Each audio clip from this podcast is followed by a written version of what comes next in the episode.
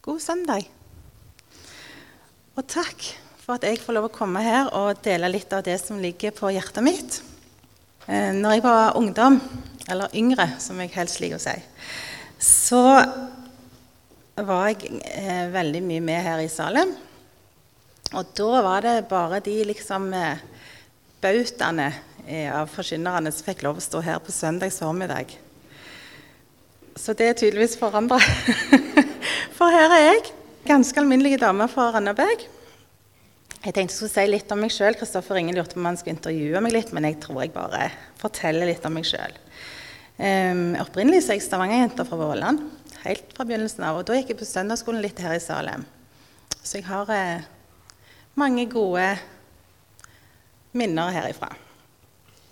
Eh, på Randaberg bor jeg sammen med Oddvin, og nå bor vi alene. For tre guttene våre de har flytta ut. Vi har Sven på 20, 22, Simen på 20 og Sjur på 17. De har flytta på skoler og internatskoler. Jeg er sykepleier, som ble nevnt, og har jobba med gastro i mange år. På SUS, og senere på legekontor på Randaberg. Så det var meg. Og så synger jeg i Gospelkompaniet. Det er veldig kjekt. Så vi skal ha julekonsert, og den må dere få med. Men for noen år siden så begynte guttene mine å bli litt større. Jeg var sånn delvis hjemmeværende.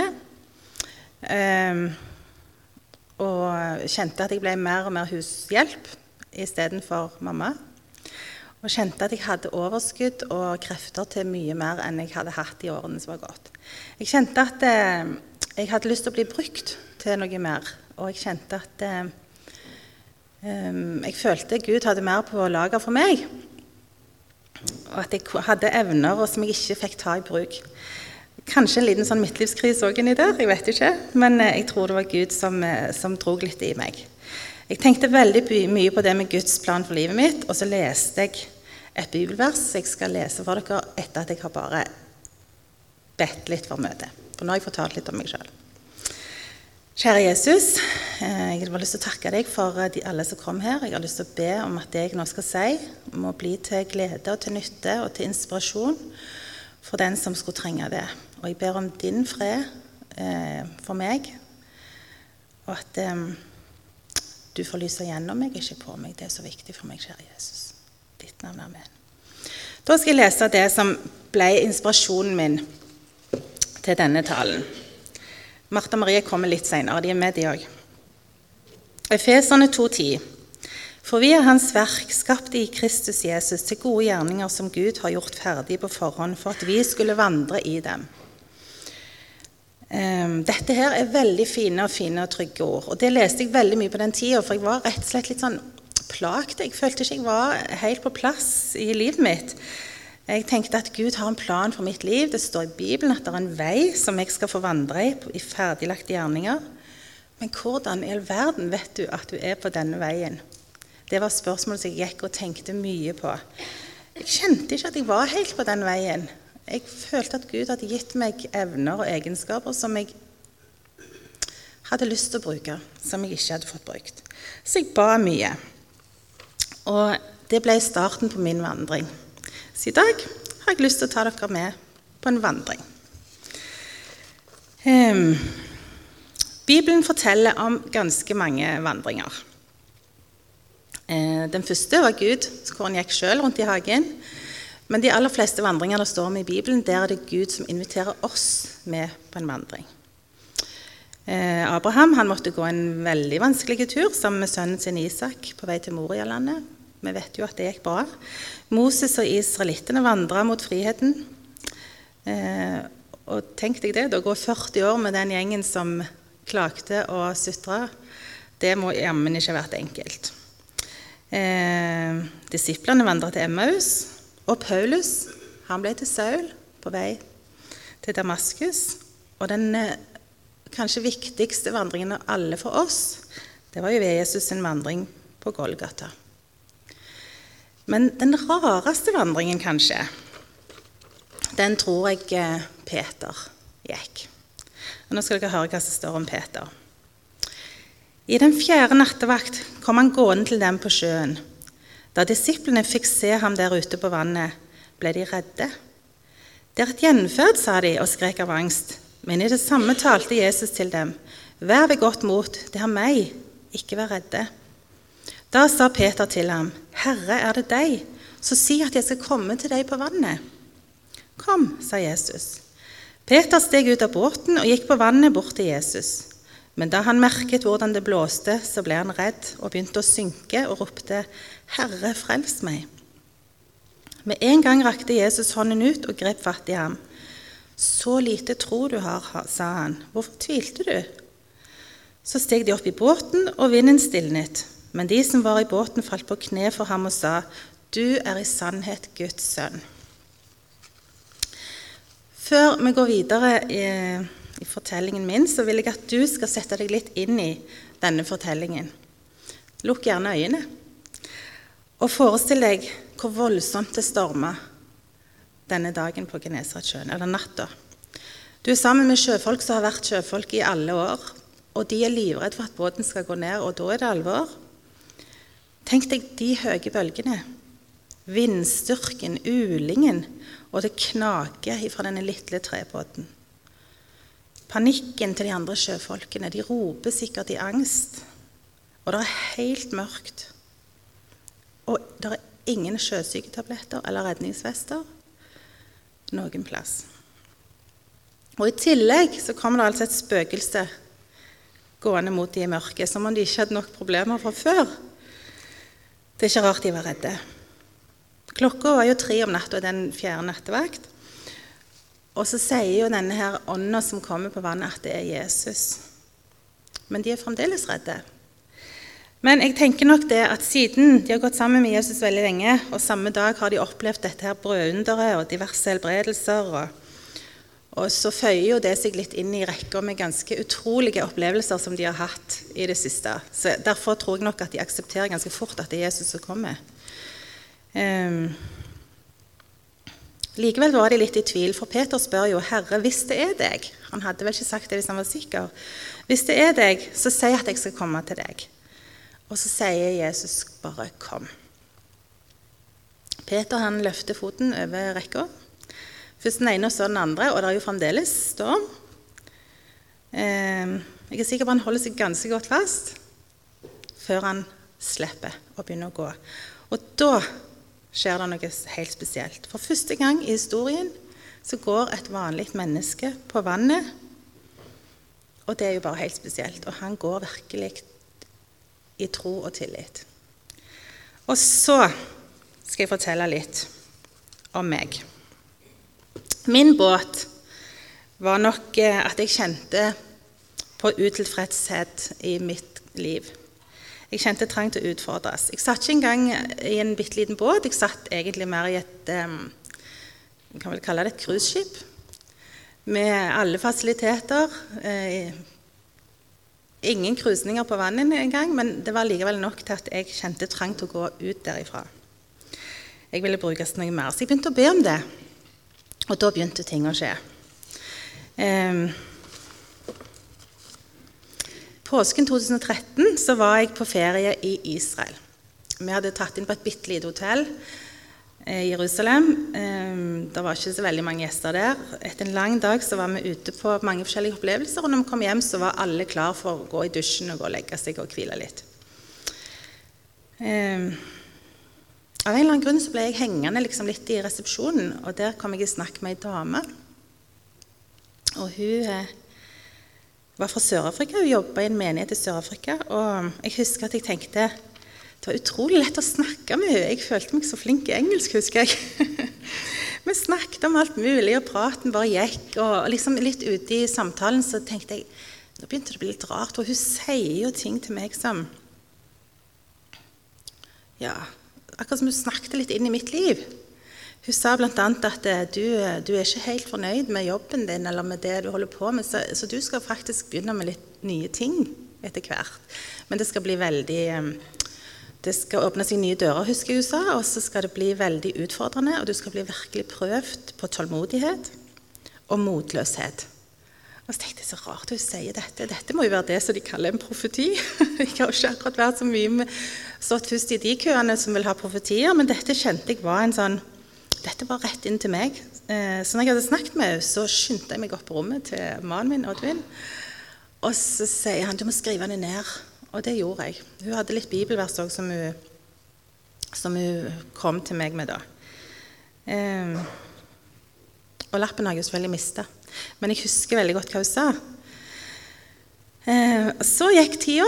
Jeg fortsatte med jobben min og tenkte at nå Jeg, to, jeg syntes dette var ganske spesielt, så jeg hadde liksom forventninger på en måte til framtida etter denne opplevelsen. Og Litt senere på året om sommeren så fikk jeg en telefon fra daglig leder i Bok Media, som det heter da, som jeg kjenner ganske godt. Og Han lurte på om jeg kunne tenke meg å jobbe der i butikken med han. Og det sa jeg jo selvfølgelig nei til. For jeg var jo sykepleier og hadde jo god og lang utdannelse og følte gjerne at det var ikke helt for meg. Um, lange arbeidsdager og kraftig ned lønn. Og, nei, det var ikke helt. Så fortalte jeg det til min mann, og så sier han «Eh, dette er jo den døra du venter på, sier han. Det, er jo ikke bare ei dør, det er jo ei skyvedør, husker jeg han sa. så uff, jeg var veldig i tvil, men dagen etterpå så ringte han igjen. Eh, og da hadde han eh, lagt litt mer til rette for meg med, med arbeidstider og litt forskjellig. Og så, så sa jeg ja. Åh, det var ganske skummelt, for det at det, det var ikke det jeg hadde gjerne sett for meg. Sånn, eh, jeg hadde jo kanskje tenkt at Gud ville bruke meg til å reise til et spennende land eller gjøre noe sånn. Jeg er jo glad i sol og varme. At jeg kanskje skulle få komme til Afrika eller Peru, hadde vært drømmen. Men nei. Bokhandel i postbygget der skulle jeg. Så eh, sa jeg ja takk til det. Og dagen etterpå så leverte jeg inn oppsigelsen min på jobb. Og jeg tenkte jeg må si opp skikkelig. Jeg kan ikke bare be om permisjon, for det blir jo på en måte som å holde litt igjen i rekka. Jeg må levere oppsigelsen. Og sjefen begynte å grine. Glemmer det aldri. Uff a meg. Så der var jeg. Eh, og jeg ikke før kommet i gang med jobben, så gikk jo butikken konkurs. Eller ble lagt ned, iallfall. Og jeg skjønte ingenting. Var det ikke dette jeg skulle gjøre? Var det bare Hadde jeg på en måte misforstått alt, eller For en gangs skyld hadde jeg jo gått på vannet følte virkelig at jeg var i Guds plan. Men den tanken om å drive en kristen bokhandel i Stavanger klarte jeg ikke å slippe. Så det, selv om butikken var lagt ned, og jeg måtte gjøre andre ting, så visste jeg at jo, det er faktisk dette jeg skal gjøre. Jeg var helt, helt, helt overbevist. Og Jeg leste veldig mye i Isaiah 55, 8. Der står det For mine tanker er ikke deres tanker, og deres veier er ikke mine veier, sier Herren. Som himmelen er høyt over jorden, slik er mine veier. Høyt over deres veier, og mine tanker høyt over deres tanker. Så mine tanker var ikke store nok. Jeg skjønte ikke helt hva egentlig som var planen for mitt liv, og hva jeg egentlig hadde bedt om når jeg ble, ba om å få nye utfordringer. Jeg fikk meg ganske raskt ny jobb som sykepleier, og det var litt sånn merkelige greier, for da ringte jeg egentlig på et annet legekontor for å bestille en time til min far, for legen hans var på ferie. Og så sier hun du forresten, du vil ikke ha jobb, da? og det var jo òg ei greie. Så da begynte jeg å jobbe der. Men jeg sa til sjefen der at jeg vil ikke ha kontrakt eller fast jobb, for jeg skal starte en eh, kristen bokhandel. Og jeg tror han tenkte at jeg var helt eh, sprø. Og etter hvert så, så tror jeg òg at de tenkte ja, ja, hun sier jo det, men det skjer jo ingenting. For der var jeg i tre år. Men i løpet av de tre årene så gikk jeg på mange visninger. Jeg var i 18 møter med masse forskjellige investorer og, og folk som eide hus og bok og media masse sånn forskjellig, og, og, visste at dette er dette jeg skal gjøre. Men etter hvert så følte jeg at jeg holdt på så lenge. Og tida gikk, og jeg hadde sagt det til så mange at jeg skulle dette, og det ble så flaut til slutt. Tørde nesten ikke si det mer. Eh, så en lørdag i fjor høst så tenkte jeg at nå orker jeg faktisk ikke mer. Nå må jeg enten få en skikkelig ny jobb, eller så må jeg sette i gang. Så jeg gikk til byen en lørdag, og så ba jeg til Gud før jeg gikk at eh, nå må du vise meg hvor denne butikken skal være. Så gikk jeg rundt der og så på lapper i vinduene og ringte til noen, men det var altfor dyrt. Så kom jeg til Breigata, der tilfeldigvis så jeg over gata at det sto en liten hvit lapp ned et hjørne på Arbeiderpartiet sine partilokaler. Kan tenke deg. Det var liksom ikke der jeg så det for meg. Der sto det 'lokaler til leie', og så ringte jeg til det nummeret som sto der. Og da kom jeg til ei veldig veldig hyggelig dame som heter Karen, og hun sa dette er helt fantastisk. Dette har jeg venta på så lenge. Klart jeg skal leie ut til deg. Det vil jeg veldig gjerne. Vi har savna en sånn butikk i Stavanger. Så var det sånn det skulle være. Og hun eh, så det, da bare gikk det i turbofart. Jeg signerte kontrakt tok ut alle pensjonspengene mine og satte i gang med malerkost. Meg og Oddvin malte og hadde Jeg designa logo, jeg lagde, fant navn og lagde avtaler med forlag og leverandører. Og, og hadde venner. Elin sitt der og Tro skrudde i mange timer på Ikea-hyller. Og alt det som har med bank og penger osv., det, det tok jo selvfølgelig mannen seg av. For der er ikke jeg, det er ikke min sterkeste side, kan du si. Det ble en intens måned før jul, og når vi starta, så var det mediedekning, aviser, og, og, det gikk kjempegodt. Det solgte så bare det. Og i januar så var det helt stille. Det var ikke som å skru av en knapp. Og så ble jeg Peter. Jeg begynte å synke. Var det bare mitt eget ego som hadde funnet på dette? Var det egentlig sånn det skulle være? Um, jeg elsket jo før jul når folk syntes dette var kjempestas. Og, og syntes at jeg var flink og tøffe som hadde starta. Klart jeg syntes jo det var kjekt å høre. Men så begynte jeg å lure på var det bare en egotripp, eller hva er dette Guds plan? Plutselig så følte jeg at alt handla om penger og husleie, lønn og budsjett, og, og, at visjonen og Guds plan med livet mitt forsvant liksom i alle bekymringene. Um, og jeg tror det var litt det Peter opplevde. For Peter merka hvordan det blåste i forhold til meg. Det ble jo stilt, men det var jo litt det samme. Eh, han møtte virkeligheten, og så glemte han å feste blikket på Jesus, og så begynte han å synke. Akkurat det som skjedde med meg. Og jeg glemte jo òg det som jeg hadde lest så mye i eh, Jesaja 55. Jeg tror kanskje dere òg glemte Jeg tror jeg tar det en til. For mine tanker er ikke deres tanker, og deres veier er ikke mine veier, sier Herren. Som himmelen er høyt over jorden, slik er mine veier høyt over deres veier. Og mine tanker er høyt over deres tanker. Så det som skjedde, det var at jeg begynte å be igjen. Og det er da jeg tenker vi skal banke på oss disse to damene som vi hørte om før i dag.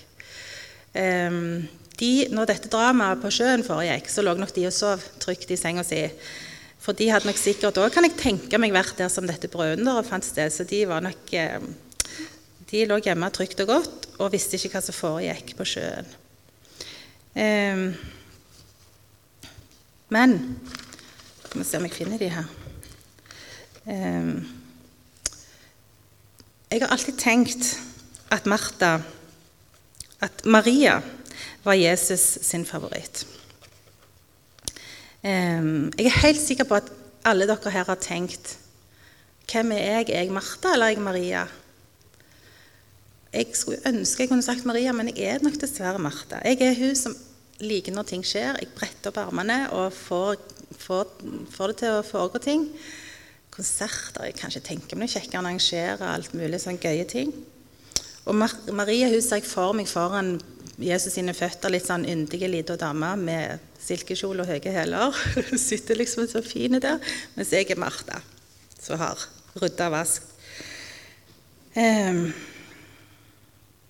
men jeg har jo tenkt mye på det, og jeg har funnet ut at uh, Jesus er akkurat like glad i Martha, og han trenger Martha òg. Men akkurat da trengte jeg å være Maria. Og det ble jo stilt, så jeg fikk jo god tid til å være hun, kan du si. Um, jeg, satt, jeg måtte sette meg ned og be og be og be at eh, nå må du vise meg, kjære Gud, hvis det er dette jeg skal gjøre, så må du vise meg at jeg er på rett vei. Og hvis ikke, så kan jeg legge ned hele greia. Um, ja. Martha, Martha, sier han jo, du gjør deg strev og uro med mange ting, men ett er nødvendig. Maria har valgt den gode del, og den skal ikke tas fra henne. Vi trenger å være Maria av og til tilbake til meg, så skjedde det noe mer. Da hadde jeg bedt mye om at jeg måtte få en bekreftelse. på at dette var riktig. Og i mai nå i år så var jeg på tur med dette koret mitt til London. Vi var på en stor festival. Eh, der skulle vi synge. Og på kvelden når vi skulle av gårde bussen, da hadde vi hatt en lang dag der. Vi var litt slitne. Det hadde begynt å regne. Vi hadde egentlig en time foran oss i bussen, og meg og Elin som sitter der, var siste mann. liksom. Vi var ganske travle. Og hun måtte på do. og jeg sto der og venta, og så mens jeg sto der, så kom det en mann gående over plenen eh, mot meg. Han hadde med seg ei lita dame som, som eh, Hun sa ingenting, men han kom mot meg og så sier han, eh, I got a word for you. Oi, tenkte jeg, jeg har ikke tid til det. Jeg skal jo nå en buss. Og det sa jeg òg. Beklager, jeg har ikke tid. Jeg må nå bussen. Men så tenkte jeg, hva var det han sa? Han hadde et ord til meg. Jeg må jo høre hva det er. Så jeg sier du, må, du kan si det, men du må si det litt fort, sa jeg til han. Uff a meg. Og så sier han akkurat det samme som hun i Israel hadde sagt fire år før. Helt ordrett de samme ordene. Du skal gå inn i nye, gjennom nye dører. Det, ta, det, det har vært sånn, og det skal bli utfordringer. Og du skal bli prøvd på, på altså, mismot eller sånn. ja. Men så sa han men jeg har ett ord til til deg, og jeg skjønner ikke helt hva det betyr, men det er et navn, og det er Thomas. Eller Tom, så er han ikke sikker på det. Ok, så jeg må springe, men jeg skal tenke litt på hva det betyr. Og så, akkurat som jeg ikke klarte å ta det helt inn, at dette, jo, dette kom rett fra Gud. Det må jo ha vært det. Det var en bekreftelse på at det, det var en bekreftelse jeg trengte. At nå er jeg på rett vei. Og når jeg kom i bussen og fikk summa meg litt, så tenkte jeg Thomas, det er jo meg. Det er jo tvileren. Jeg har jo tvilt på at dette var rett. Og da fikk jeg min bekreftelse. Og da reiste jeg hjem med, med fornya mot til Breigata. Og da begynte det å skje ting, følte jeg. Eller kanskje det var det at jeg begynte å se ting på en annen måte. Fordi jeg hadde jo tenkt litt på hva som var meninga med hele dette her prosjektet mitt. Og med rolige dager så begynte det å skje eh, nye ting i butikken. Mange av kundene kom jo ikke inn for å handle, oppdaget jeg. De kom for eh, å snakke litt om livet, om tro, om en sønn som ikke var kristen, eller om skilsmissen sin. Eller og jeg fikk se en helt annen mening med at jeg skulle være i Stavanger sentrum. Jeg fikk snakke med så mye folk, be for folk. Um, noen ville bare inn og ha en kopp kaffe. Og noen handla jo selvfølgelig, ellers hadde det ikke gått så bra. Um, men meningen på en måte med butikken ble en helt annen. Jeg følte jeg drev en sånn misjonsstasjon.